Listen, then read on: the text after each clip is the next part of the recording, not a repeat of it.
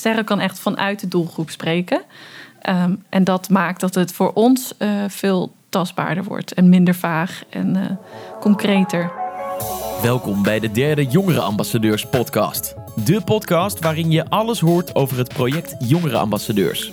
Inmiddels zijn we in volle gang en zijn er in heel Nederland jongerenambassadeurs actief. Een van hen is Sterre. En zij is ambassadeur bij het geschiedenisprogramma Andere Tijden van de NPO. In deze podcast spreekt Sterre over haar ervaringen. En ook hoor je Raffaella, de redacteur van Andere Tijden die Sterre in haar ambassadeurschap begeleidt. Ik ben Sterre en ik ben jongerenambassadeur bij Andere Tijden. Uh, ik ben jongerenambassadeur geworden aangezien ik graag een maatschappelijke dienst wilde doen. En jongerenambassadeurs bood mij een plek aan bij Andere Tijden.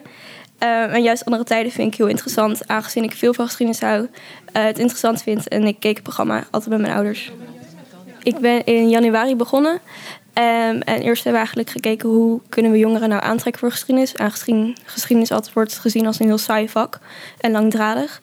Dus toen heb ik een enquête door laten gaan door de school. Uh, met onder andere de vraag welke onderwerpen vind je wel leuk, welke niet. Um, waar wil je meer van weten? Wat vind jij saai aan geschiedenis? Maar ook onder andere hoe vind jij, wat vind jij belangrijk aan een social media account? Om echt te kijken wat, wat jongeren nou precies leuk vinden en hoe we dat kunnen verbeteren. Naast dat Sterre als jongerenambassadeur advies geeft aan andere tijden, gaat ze ook direct in de praktijk aan de slag. En leert ze de ins en outs van het editen van filmpjes.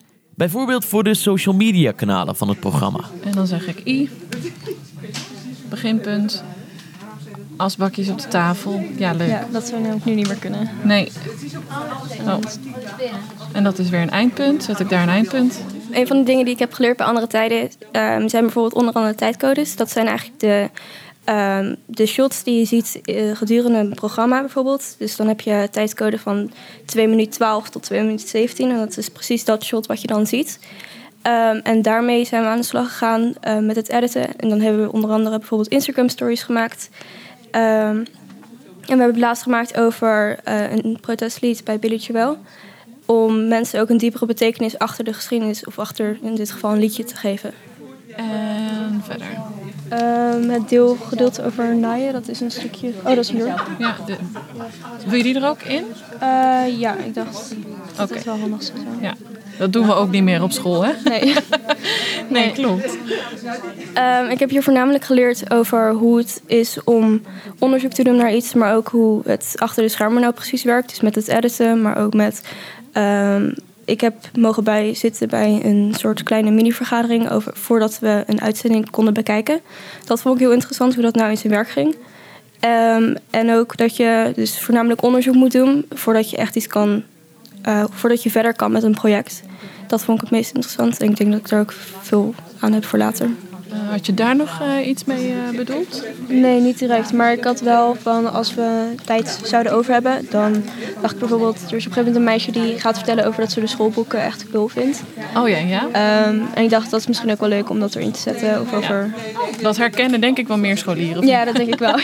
Ja. Niet alleen is het jongerenambassadeurschap voor sterren een prachtige uitdaging. Ook bij andere tijden zijn ze heel erg blij met de adviezen van hun jongere ambassadeur. Uh, wat Sterre ons heeft geleerd is eigenlijk uh, uh, een heleboel. letterlijk de visie van jongeren op geschiedenis. Alleen al door die enquêtes die ze heeft uitgewerkt, laat ze echt zien: oh, dit, hier ligt de interesse van jongeren. En sommige dingen kun je misschien wel raden, en andere dingen zijn toch wel leuk om achter te komen. En ja, in dat opzicht heeft ze ons echt laten zien: oké, dit deel van geschiedenis spreekt jongeren aan. Dus als je jongeren wil aanspreken, dan zet dan dit thema in of uh, pak het op deze manier aan. Een voorbeeld is bijvoorbeeld, uh, ja, hoe, hoe leefde leeftijdsgenoten zoveel jaar geleden en hoe zag hun leven eruit? Dat is dan natuurlijk, spreekt helemaal aan, omdat je echt in beelden kan laten zien wat jongeren, 15, 16-jarigen doen in hun vrije tijd. Uh, de tijd voordat er mobieltjes waren. Nou ja, Sterre zei uh, vorige keer dat ze hier was. Nou ja, de meeste van mijn klasgenoten hebben geen idee wat, wat mensen vroeger deden zonder mobiele telefoon. Wat deed je toen? Hoe, hoe, hoe, ja, hoe, hoe spendeerde je je tijd? Dus nou goed, dat alleen al is bijvoorbeeld een leuk inzicht om te weten: oh, daar kunnen we dus wat mee voor social media. Dat is een leuke insteek die we misschien anders uh, voorbij zouden zijn gevlogen. Eh, wat misschien ook leuk is om mijn jongeren te laten zien van sommige dingen veranderen dus gewoon niet. Oh ja, dus eigenlijk een soort van teaser waarin je enerzijds laat zien uh, hoeveel er veranderd is. Namelijk, je mag niet meer roken nu. En anderzijds, uh, er is eigenlijk niet zoveel veranderd. Want sommige dingen doe je nog steeds tegenwoordig op school. Ja, klopt. Ja. Oké, heel leuk. Dat is de schoolgedeelte. Dan gaan we daar als eerste mee aan de slag. De visie van een jongere zelf is anders. Um, omdat het echt vanuit het publiek zelf komt. En Sterre heeft ook echt gewoon al haar klasgenoten. Is het publiek waar wij anders niet zoveel van horen. Anders horen we mensen die iets over jongeren zeggen en daar een visie over hebben. Maar Sterre kan echt vanuit de doelgroep spreken. Um, en dat maakt dat het voor ons uh, veel tastbaarder wordt en minder vaag en uh, concreter. Ja, het is echt de doelgroep uh, waar we ook aan kunnen toetsen. Door middel van sterren kunnen we ook toetsen. Oh ja, dus dit werkt wel. Als, als het haar aanspreekt en ze laat het aan haar klasgenoten zien... en die vinden het ook opeens interessanter... dan weten we, oh ja, nou, dan kunnen we daarmee verder. Dit was de derde Jongerenambassadeurs podcast. Wil jij net als sterren een voorschot nemen op je droombaan? Of wil je binnen jouw organisatie aan de slag gaan met jongerenambassadeurs? Check dan jongerenambassadeurs.com.